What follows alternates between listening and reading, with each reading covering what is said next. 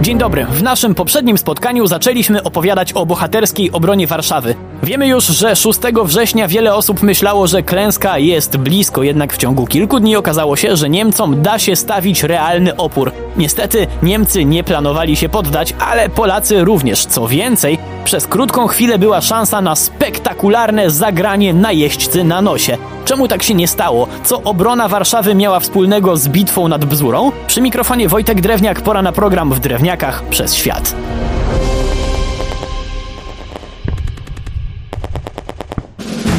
10 września, po dwóch dniach nieudanych podejść, Niemcy postanowili poprowadzić atak na polską stolicę trochę inaczej. Nie musieli się już obawiać polskiej powietrznej brygady pościgowej, więc ruszyli z nalotem. 70 maszyn zrzuciło nie tylko setki bomb, ale też doskonale wyszkolonych dywersantów. To znaczy na spadochronach, żeby było jasne. Ich zadaniem było działanie na tyłach polskiej obrony. Nasi jednak szybko zobaczyli spadających nieproszonych gości i zaczęło się polowanie. Niestety bomby zdały egzamin i ten dzień nie bez powodu w Warszawie nazwano krwawą niedzielą. Niemcy marzyli o szturmie pełną gębą, ale nie mogli sobie na to pozwolić, bo Wehrmacht miał wtedy bardzo poważny problem. Trzeba było wycofać część żołnierzy spod Warszawy. Czemu?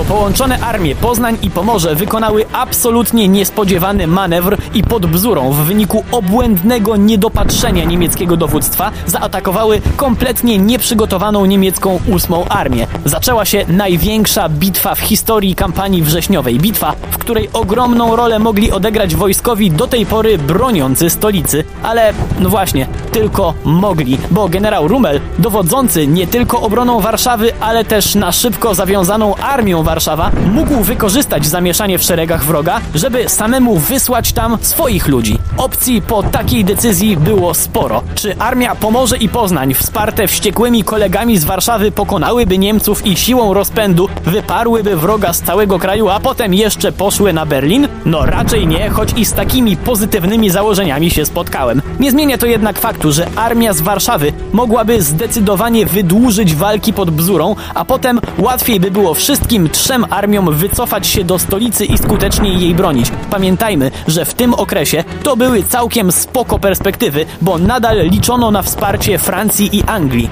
Czemu w takim razie Rummel nie wysłał wojska? Wysłał, ale w innym kierunku.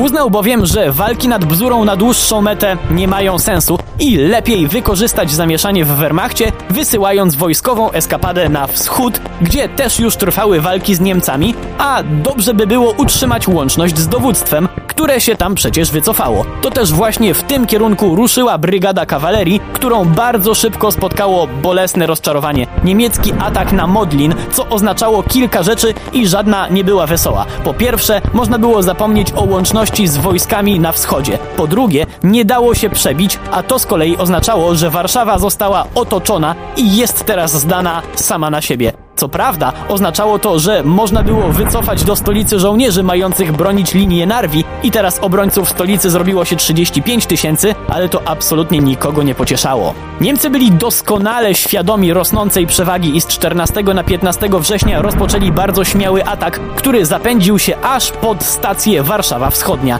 Tam jednak nasi przeprowadzili bardzo nieprzyjemny dla nazistów kontratak i znów hitlerowcy musieli obejść się smakiem. Dzień później ruszyli znowu, ale nasi czekali już na barykadach i każdy z nazistów mógł znaleźć w polskiej ofercie coś dla siebie. Działa, karabiny, moździerze do wyboru.